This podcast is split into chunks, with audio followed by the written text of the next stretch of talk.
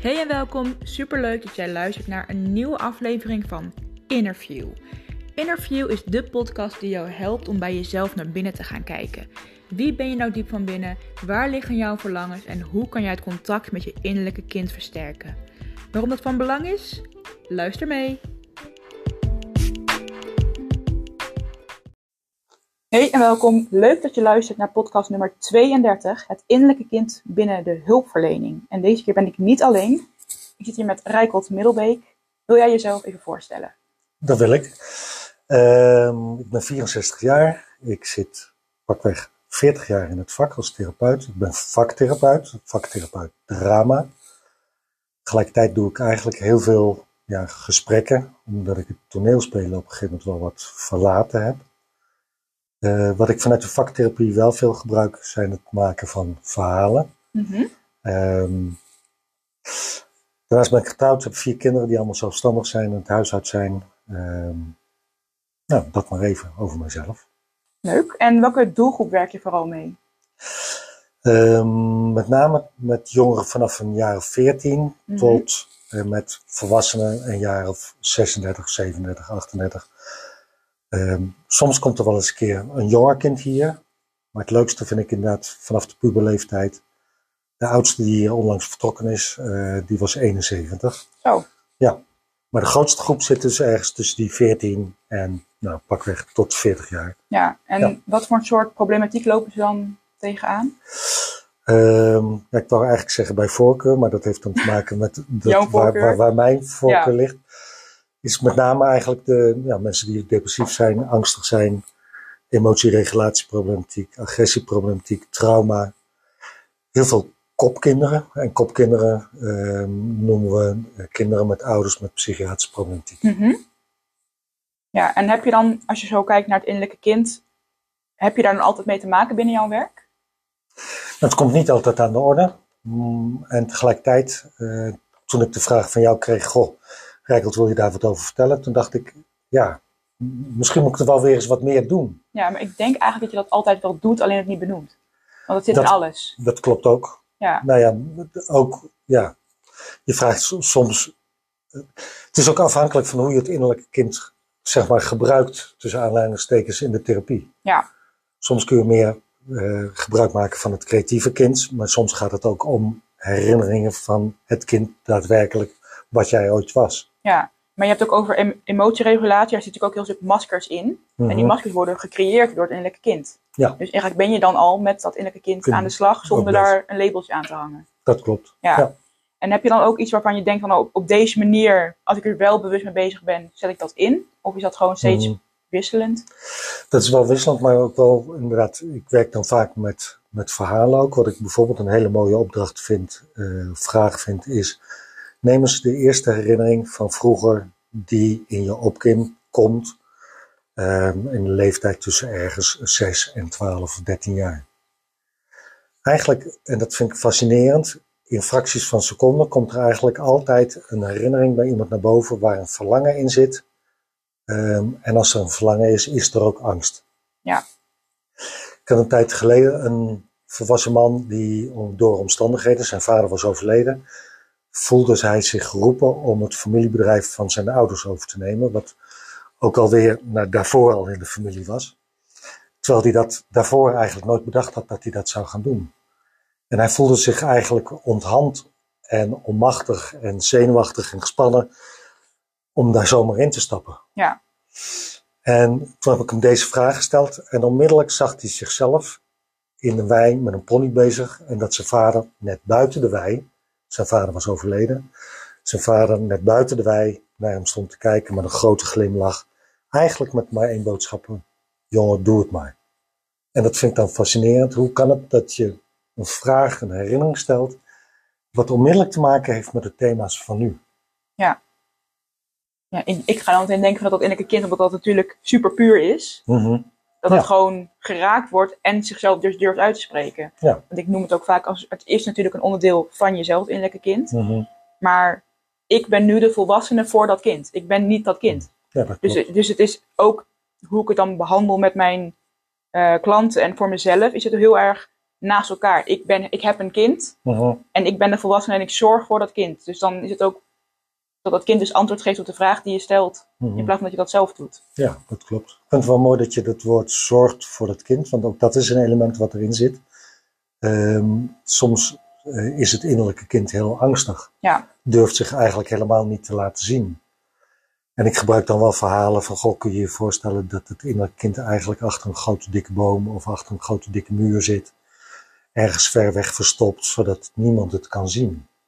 Beschrijf eens, hoe veilig is het daar voor dat kind? Of hoe onveilig is het daar voor dat kind? ja, En dan kun je ook dat kind weer gebruiken als een soort raadgever in het nu. Wat zou dat innerlijke kind jou nu te vertellen hebben? ja. Ja, mooi. En heb je dan ook dat je kijkt naar het intergenerationele trauma, dus het trauma van je voorouders binnen jouw hulpverlening? Of is het echt het innerlijke kind Hmm. en de persoon zelf? Ja, vind ik ook wel een mooie vraag. Ehm, maar niet, ja, er komt soms natuurlijk wel naar voren van wat, wat zijn door de, de programma's in gezinnen die doorgegeven worden. Mhm. Ehm, maar ik, ik maak daar zelf niet heel veel gebruik van. Nee, oké. Nee. Heb je dat, is dat een bewuste keuze? Of? Ja, ik heb daar, de, het, het ligt niet zo op, denk ik. Dus in die zin, ja, is het ook wel een bewuste keuze. Ja, want ik vind dat heel interessant. Want als ik zelf, ik ben nu ook aan het kijken naar familieopstelling, dat is Mhm. natuurlijk ook heel Ja. relevant binnen dit. Ja. En ik was daar niet mee bekend tot ik ernaar ging kijken en dacht, ik ben, voor degene die dat niet weten, Rijkelt is mijn therapeut geweest. Mhm, En wij hebben dat hier een keer gedaan, mhm. een familieopstelling. Dus eigenlijk zit dat stukje er dan wel Ja. in. Ja. Onbewust. Ja, familieopstelling maak ik wel veel gebruik van. Ja. Ehm, maar ik heb de vraag ook wel zo verstaan eh, dat je eigenlijk kijkt van wat was de geschiedenis van je ouders en Ja, van hun ouders en, ja. en dat. Dat zit, als je echt puur familieopstelling gaat doen, vaak zit dat er ook nog wel wat meer in. Ja. Ehm, maar de, nou ja, ik noem dat de systeemcontext of de context van het gezin. Mhm. Die betrek ik inderdaad wel Ja. eigenlijk altijd in mijn therapie. En ook bewust, omdat ik denk, ehm, ja, nou ja, trans transactionele analyse zegt van ja, dan hebben we het over het aangepaste kind. Ja. Het kind is natuurlijk toch afhankelijk van het systeem waarin het leeft. Mhm, ja. Ja. ja. Ja, want eh, hoe het vanuit innerlijke kindtherapie werkt, is dat zeg maar elk kind op zijn zesde jaar sowieso beschadigd is. Hoe zie Mhm. jij dat? Dat denk ik ook en dat moet ook, Ja. zeg ik. Ja. Tenminste, een, ehm, een kind moet leren vertrouwen, maar moet ook leren wantrouwen. Want als kinderen alleen maar leren vertrouwen van een te veilige omgeving, gaan ze daarna natuurlijk finaal op hun bek ergens een keer. Ja, maar die te veilige omgeving is ook beschadigend. Is net zo goed. Ja. Ja. ik herken dat bijvoorbeeld bij mijn kinderen, tenminste een paar van mijn kinderen ook wel, dat ze ja, soms moeite hebben om meer voor zichzelf op te komen. Ja. En soms denk ik, ja, dat heb ik niet goed voorgeleefd.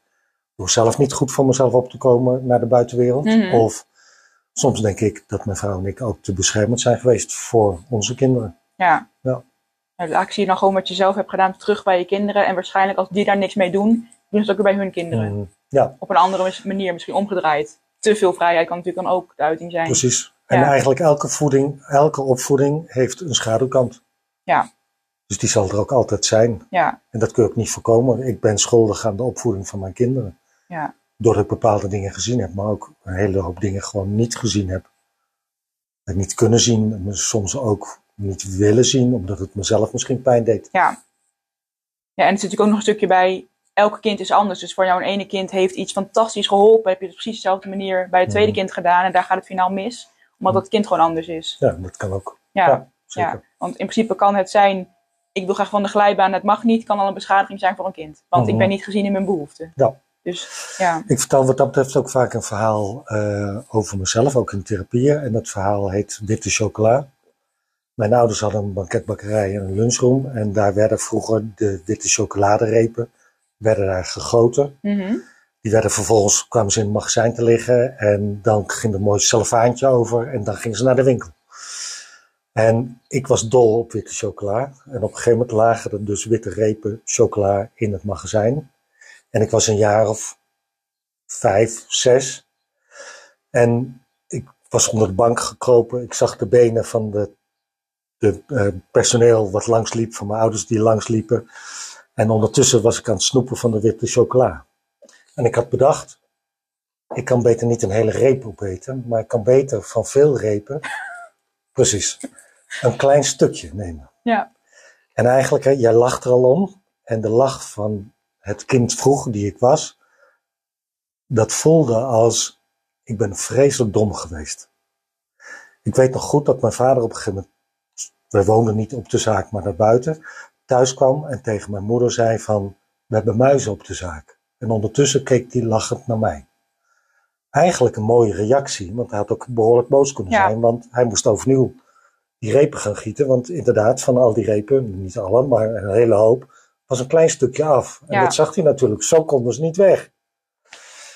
En het enige wat zich bij mij heeft opgeslagen is, ik ben zo dom geweest. Ik moet slimmer doen, ik moet me het alleen mezelf laten zien als ik het perfect weet. Ja, En anders moet ik me verstoppen.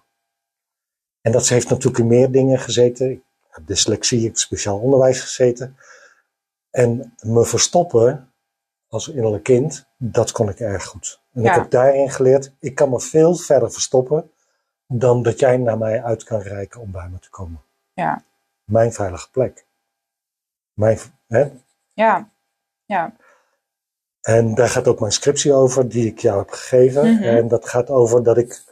Ik heette als kind vroeger Alex. Alex is mijn eerste naam. En na mijn middelbare school, mijn vervolgstudie, eh, heb ik me ingeschreven als Rijkelt Middelbeek.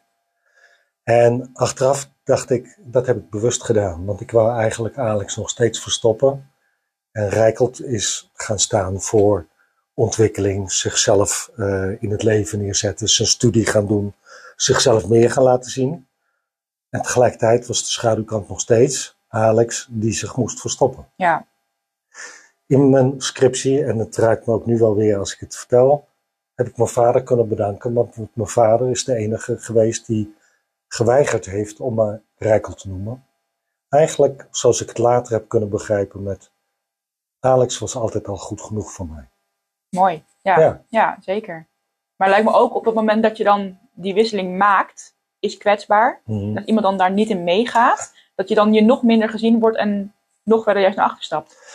Nou ja, toen, eh, dus Rijkelt werd daar boos over. Want Mhm. Rijkelt maakte wel die stap naar voren. En Rijkelt die, mm, ja, die zei van ja, maar goed, je zult me op een gegeven moment een keer Rijkelt noemen. Ja, Want dat, dan dwing ik het wel af. ja, De grap was dat mijn vader, eh, toen ik het in een studentenhuis woonde, me twee keer gebeld heeft en dat een ander opnam. En dat hij vroeg, woont Alex hier? Is Alex ook thuis?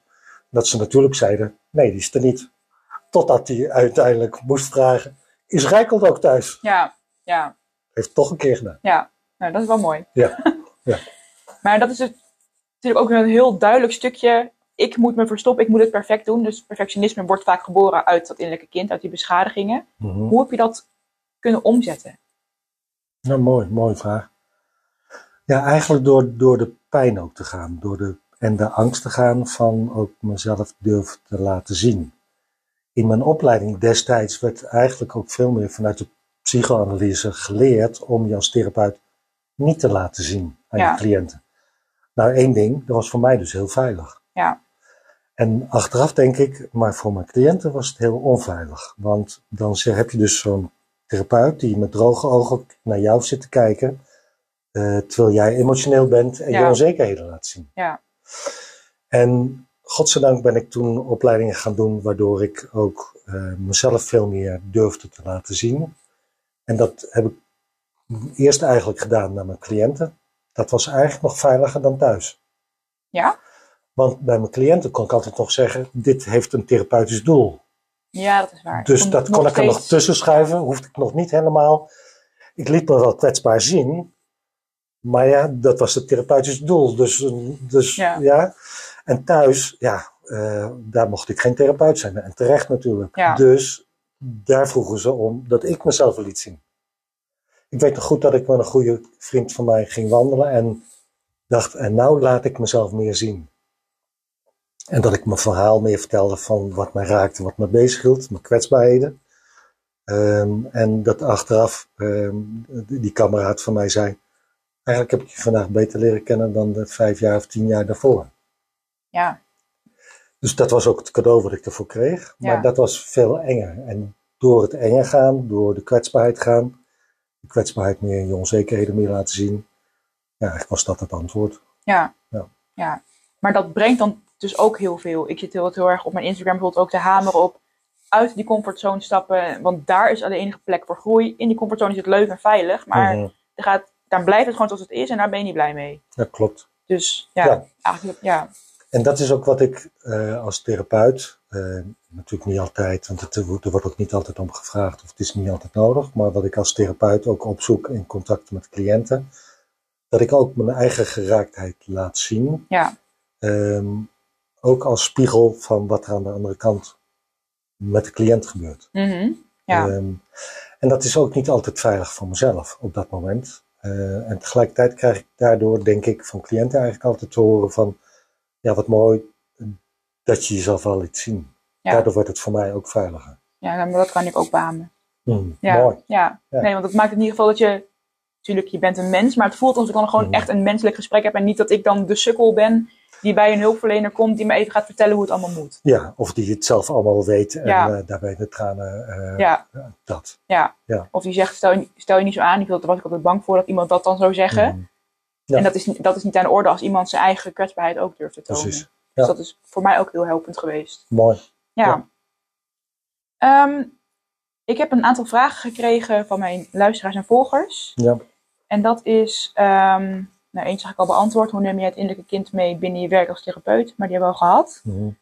Ja, en ik kan misschien nog wel wat meer erover vertellen, Mhm. omdat het innerlijke kind, die heeft natuurlijk eigenlijk alle facetten in zich. En dat Ja. is zo mooi. Dat kan gaan, hè, wat we net aangaven over het innerlijke kind, zoals jij je vroeger als klein kind hebt gevoeld. Maar in het innerlijke kind kun je ook ja, je wensen, je verlangens, je fantasie, je creativiteit. Ja, Ehm, het innerlijke kind kan ook een hele wijze raadgever zijn. zeker. Ja, En juist ook die creatieve kanten van het innerlijke kind vind ik zo mooi om daar gebruik van te maken en daar nou ja, de persoon zelf ook verhalen over te laten maken. ja. Dus dan kijk je eigenlijk meer naar het gezonde stukje. Niet het beschadigde Ja, innerlijke kind. Precies. Ja. Ja. en daar, Ja. dan komt de ruimte. Dan, eigenlijk vaak zegt iemand achteraf, ja verrek, ik heb het nou gedaan, maar ik wist dit eigenlijk altijd al wel. Ja, Maar nu heb ik het weer gezien. ja precies. Ja. Soms kan het ook heel veel erkenning geven. Ik, als het goed is, ik nog wel een opdracht hè, benoemen. Ehm, en dat is dan een opdracht. Het, het kleine kind die jij ooit was, krijgt een aanzichtkaart vanuit een ver, ver land. ehm, van een familielid die heel goed aanvoelt hoe het met jou gaat, hoe het met jou is en waar jouw pijn zit. Ja. Schrijf eens, en dan mag de cliënt zelf opschrijven wat die persoon in dat verre, verre land aan jou schrijft op het moment dat jij een klein kind bent en dus eigenlijk nog klem zit ergens in de situatie. eh. En nou, dan wordt dat geschreven. Vervolgens vraagt de cliënt om zich te verplaatsen in dat kleine kind. En ga nou eens die aanzichtkaart lezen en laat het eens op je inwerken en kijk eens welke discussie, welke in- interne dialoog Mhm. er komt ehm, als je de aanzichtkaart leest. ja.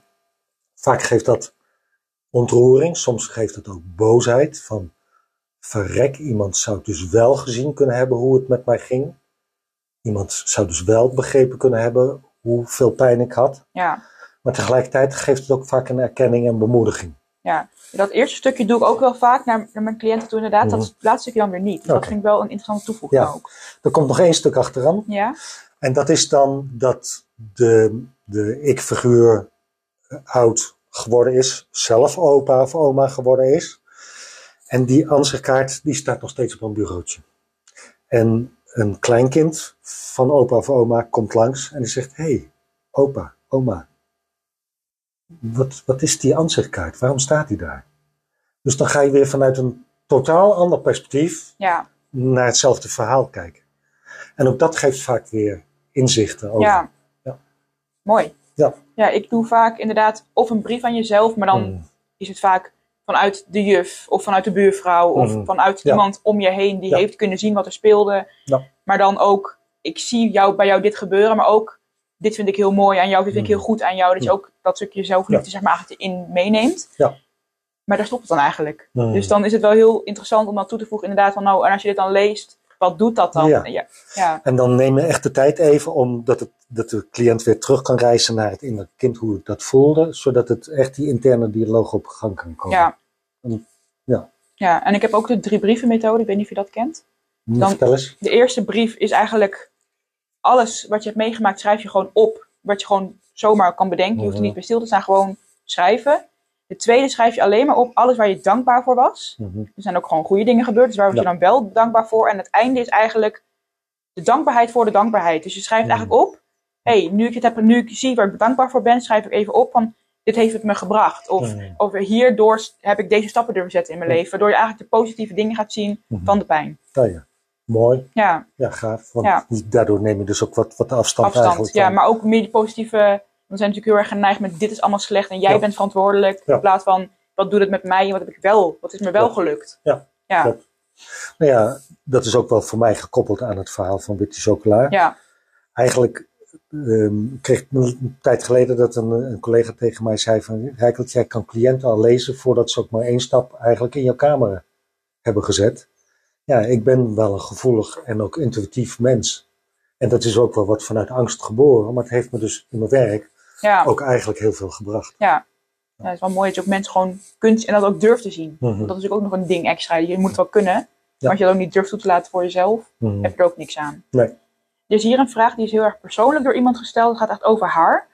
Ik stel geen grenzen omdat ik mensen graag toelaat in mijn leven, zelfs als ze over mijn grenzen blijven gaan. Hoe kan ik ervoor zorgen dat het stellen van grenzen toch fijn gaat voelen? Oeh, Ja, jeetje. ja. Het eerste wat in mij opkwam was eigenlijk gewoon jezelf waardering geven. Want Mhm.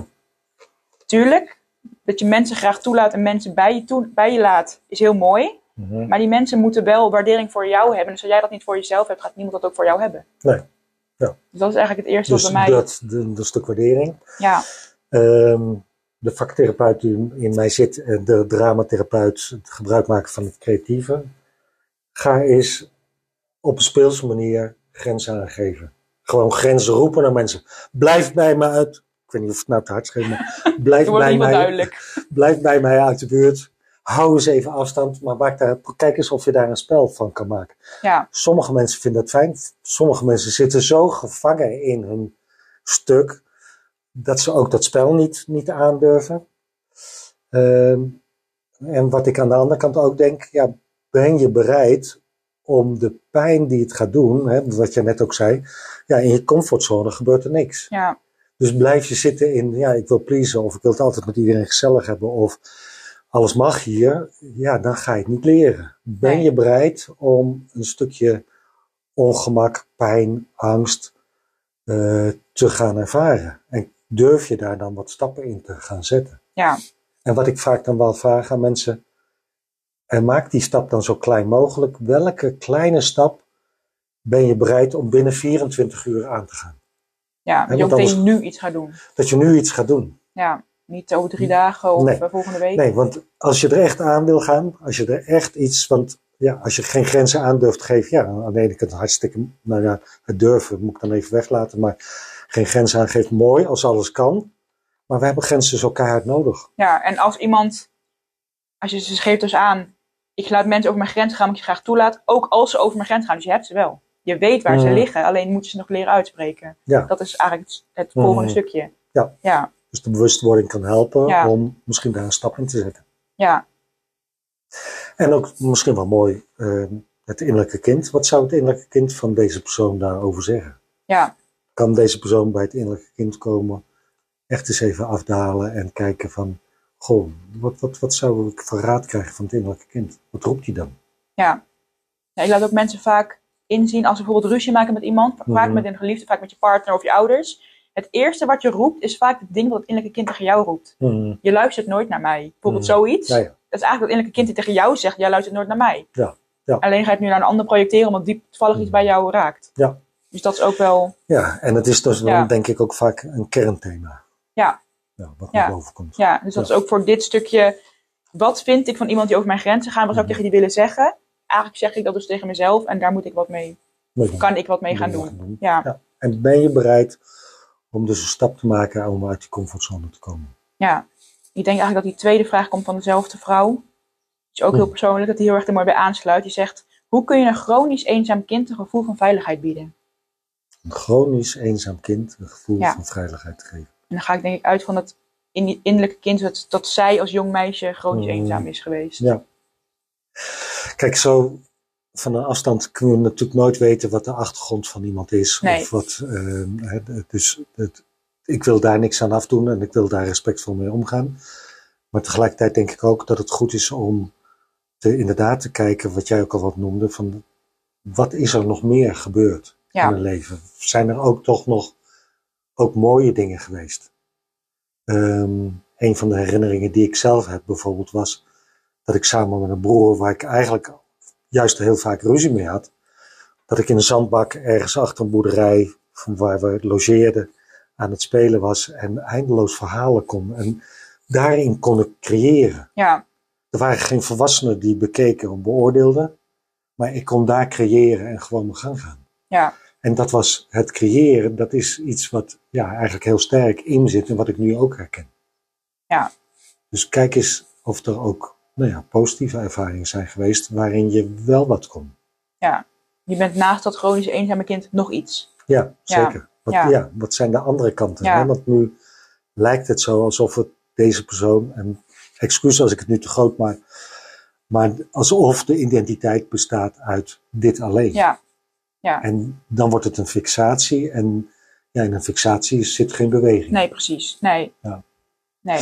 En ook daar, welke, ik ben in therapie ook heel vaak bezig, of eigenlijk ook altijd bezig met wie wil je in vertrouwen nemen, wie wil je wat vertellen over jezelf. Ik merk bij jongeren zo'n grote eenzaamheid, ze zoeken wel een therapeut op waar ze aan gaan vertellen, maar hun eigen kameraad, hun eigen vriendin, hun eigen weet ik veel, die vertellen ze het niet. Nee. En de angst om het een ander te vertellen lijkt nog veel groter dan mijn angst vroeger, Ja. denk dat ik wel eens. is dan ook, denk ik, weer gekomen in dat innerlijke kindje, wat jij ook zegt. Mhm. Je hebt iets fout gedaan, of Ja. je bent niet gehoord geweest. Mhm. Dus ze zullen wel dit vinden. Dus, en een therapeut is hiervoor, Mhm. dus je gaat mij daar niet op beoordelen. Nee. Of minder. Ja, dus dan is die veiligheid er. Ja, Maar de schaamte lijkt op de een of andere manier wel groter. En misschien, dat is mijn gedachte, omdat nou ja, we komen uit een periode waar zogenaamd alles mogelijk was, of alles bereikbaar moest zijn.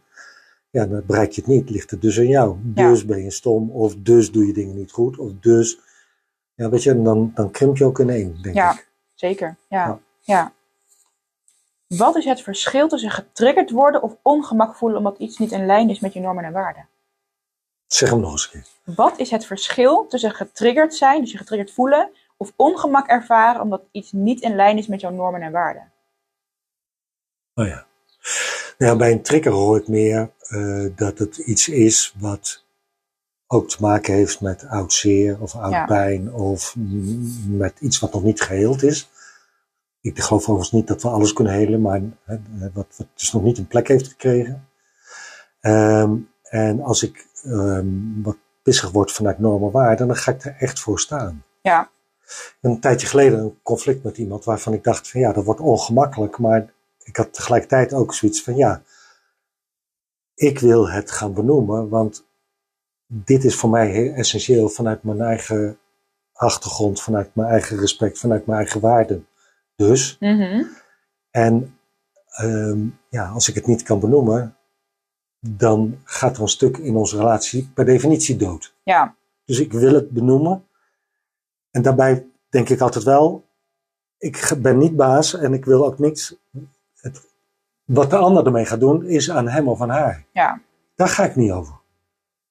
Maar ik, vanuit mijn eigen achtergrond, wil ik het wel noemen. Want dat is, ja, heeft te maken met mijn eigen waarde. Dus in die zin is dat echt, zijn echt twee hele verschillende dingen. ja. ja ik, ik denk ook inderdaad dat trigger is inderdaad een traumareactie. Mhm. En een trauma klinkt vaak heel groot en we denken aan hele heftige dingen. Maar trauma kan elk klein ding ook al zijn in je leven, waar toen je jong was, wat impact heeft gemaakt. Ja. En je normen en waarden zijn gewoon hoe je in het leven staat. En mensen gaan daar nou eenmaal overheen Mhm. en doet dat iets met je. Maar dat is niet meteen dat je dan vastslag raakt of eh, herbelevingen krijgt. Of, Ja, dat, dat kan op een gegeven moment denk ik wel wat in elkaar overgaan, bij wijze van spreken. Ehm, maar als ik zelf, en ik denk dat dat aansluit bij wat jij ook zegt, dan voel ik op het moment dat het echt over mijn waarde gaat, voel ik ook wel van ja, dit is mijn kern. Daar moet Ja. je niet aankomen. Dit, Ja. Hier ga ik mezelf echt begrenzen, omdat dit ben ik. ja, En ik denk dat daar dan ook weer dat stukje om terug te komen op die grenzen aangeven, dat dat echt nauw met elkaar gaat. Want zolang je je grenzen niet kent, ga je die normen en waarden ook niet als standpunt kunnen gebruiken. Mhm. En dus ook dat verschil tussen triggers en ongemak niet Nee, kunnen dat ervaren. klopt. Dat klopt. Ja. Eh, toen ik mijn opleiding had gedaan, ehm, in 81 ben ik afgestudeerd, toen had ik ook het gevoel van, wat zijn grenzen eigenlijk? Ik had niet het gevoel dat ik ze kende. Dus, nou ja, voor wie er meeluistert, ook het onderkennen en het leren ontdekken van je grenzen, er is hoop. Voor mij, bij mij is het hetzelfde zo gegaan. Ja, Ik was toch? Ook, ja, ik was Ja. ook, als ik toen ik hier dan die opdrachten moest doen voor grenzen, Mm. nou, ik ging dat echt niet doen, of heel zachtjes zo, nee. En dan was het ook echt eh, zwaar ongemakkelijk en ging ik liever gewoon naar huis dan dat ik überhaupt verder ging. Mm. Ja. En nou ben ik echt, denk ik, heel fel en heel hard in mijn, in mijn Mm. grenzen. En het boeit me ook echt totaal niet als iemand anders daar dan Mm. moeite mee heeft. Nee. Nee. Dus daarin kun je meer, veel meer bij Ja. jezelf. En ik zeg niet dat je dan zoals mij moet worden, dat je heel fel Nee. en hard wordt. Maar wel dat je daarin verandering kunt maken. En dat je echt van heel spanning, veel spanning voelen voor die grenzen. En het niet kunnen of überhaupt niet eens weten waar ze liggen. Mhm. Naar heel duidelijke richtlijnen voor jezelf hebben. En daarin mee kunnen gaan spelen. Mhm. Ja, Ja, klopt. Ja, mooi. ja, dus het is haalbaar. Dit is haalbaar. Ja. Ik vond het wel interessant wat je zei. Ik geloof niet dat alles kan helen. Ja, dat klopt. Ja. Wat Ja. vond je er interessant Ja, nou, ik ben dus zo'n iemand, alles kan je helen. Ja. Ja. Ja. Ik vind mezelf ook een beetje een zweefteef, noem ik mezelf tegenwoordig. Ik wou het niet zeggen. Nee. Nee, maar ik vind mezelf tegenwoordig echt, ja, door het helen vind ik Mhm. mezelf nu echt spirituele zweefteef. Ja, Ik ja, ja. gewoon, ik zeg het ook liefkozend naar mezelf. Ja, ja, mooi. Dus ik vind, alles is mogelijk, alles is Mhm. heelbaar, alleen niet binnen een bepaald tijdbestek. Misschien, misschien ben je daar wel tot je tachtigste Mhm. mee bezig. Ja. En denk je dan, hé, hey, eigenlijk was het al een tijdje geheeld. Mhm. Het is niet, Ja. heel, het is niet een hele duidelijke grens, Ja. maar het is wel mogelijk. Ja, weet je, ik denk soms, ehm, eh, en ik hoor natuurlijk goed wat jij zegt, ehm, en tegelijk denk ik ook wel van ja, soms kan de pijn dusdanig groot zijn ehm, dat mensen daar toch ook een heel leven mee blijven worstelen. Dat wel, ja. Ehm, ja, en dan kun je denken bijvoorbeeld aan oorlogstrauma of aan het verliezen Mhm. van een kind. Of ook nog aan hele andere dingen die misschien veel minder groot zijn. Ehm, ehm, soms dat je ermee blijft worstelen. Ik denk dat het voor mensen ook een geruststelling kan zijn. Ja, oké. En ik denk dat ook dan wij de definitie van hele Mhm. anders hebben. Mhm. Want wat jij zegt ben ik helemaal mee eens. Als jij een oorlogsslachtoffer bent, tuurlijk heeft dat de rest van je leven impact. Alleen de manier waarop, Mhm. dat is denk ik heelbaar. Ja. Nu ben je misschien door elk geluidje en door elk ding Mhm. zwaar getriggerd en kom je terug in die herbelevingen en raak je jezelf volledig kwijt. Ja. Terwijl met, heel, met de juiste hulp en de juiste trajecten ben je misschien over tien jaar dat je dat soort dingen allemaal aan kan. Mhm. Alleen in je achterhoofd blijft altijd spelen en komt het misschien toevallig een keertje naar voren door een situatie. Ja. Dus Mhm. je blijft ermee bezig, maar in principe is het niet meer dusdanig heftig. Ja. Ja, dus vind ik het heling. Mooi. Ja. Zou mooi zijn. Ja, En daarbij denk ik wel dat, merk ook wel dat soms, vroeger dacht ik ook dat ik niet bang was, maar ik heb leren ontdekken dat ik eigenlijk een heel enorme scheiter ben voor dingen. En ik had de neiging om juist die angst eigenlijk altijd, ik was meer een angstbijter, dus ik werd juist boos. Daardoor voelde ik angst niet. ja, Toen op een gegeven moment ben ik de angst ook gaan voelen en nu denk ik, ja, sommige angsten zal ik waarschijnlijk wel blijven houden. Ja, maar ik denk dat als je daar oké mee bent met die Mhm. wetenschap, Ja. dan is er toch heling?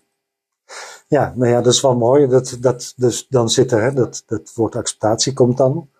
Ehm, en daar geloof ik inderdaad ook wel in. Dat Ja. door de acceptatie, ik, ik doe nu ook wel, denk ik, in mijn therapie veel meer met acceptatie, omdat dat vaak het vertrekpunt kan zijn. Ja, En mensen die aan het vechten zijn met hun pijn, aan het vechten zijn met niet aangeven van grenzen, aan het vechten zijn met, met hun boosheid enzovoort, ja, blijven alleen maar doorgaan eigenlijk, op dezelfde manier. ja, Terwijl acceptatie van ja, dit is zo, ehm, ja, dat geeft vaak ruimte voor vervolgens ook stappen kunnen zetten. ja, precies. Dus dat is denk ik dat ik dat meer bedoel Mhm. met heling. En ik denk dat jij meer bedoelt dat het opgelost is met heling. Ja, Ja, Ja. en daarbij denk ik soms zitten mensen ook wel dusdanig ingewikkeld in elkaar dat, dat het niet gaat lukken. ja, dat is waar. En Ja, tegelijkertijd vind ik het ook het, een goed vertrekpunt. Eh, ik had vanochtend een intake met iemand die behoorlijk depressief is. En dan is het vertrekpunt, ik ga eerst maar eens naast je zitten. Ik weet niet wat het wordt. En als je naar boven kijkt, naar hè, de put uit dus eigenlijk, zit je dan op de bodem. Laten we nou eerst maar eens op die bodem gaan zitten. Niemand wil daar zitten natuurlijk. Iedereen wil eruit. Laat het eerst dames maar eens verblijven. En ik, ik weet niet of je eruit kan komen. Ja, En als ik het zeg, dan denk dan moet ik ontzettend worstelen met, met mijn oude bolletje die zegt, ja, waardeloze therapeut. eh, Tuurlijk, je gaat mensen toch eruit slepen. blablabla. Nee, laten we eerst dames maar gaan zitten en het ongemak ervaren van hoe het daar is. ja, Ik weet niet of het gaat lukken. ja. Ik denk dan, ga je ze eruit slepen of leer je ze een ladder bouwen? Ik ga ze er niet uitslepen. Nee, toch? Nee. Ik ga ze leren. Nou ja, eigenlijk eerst maar eens kijken van wil jij een ladder gaan bouwen? Ja, En als jij dat niet wil, ja, dan blijf je daar zitten.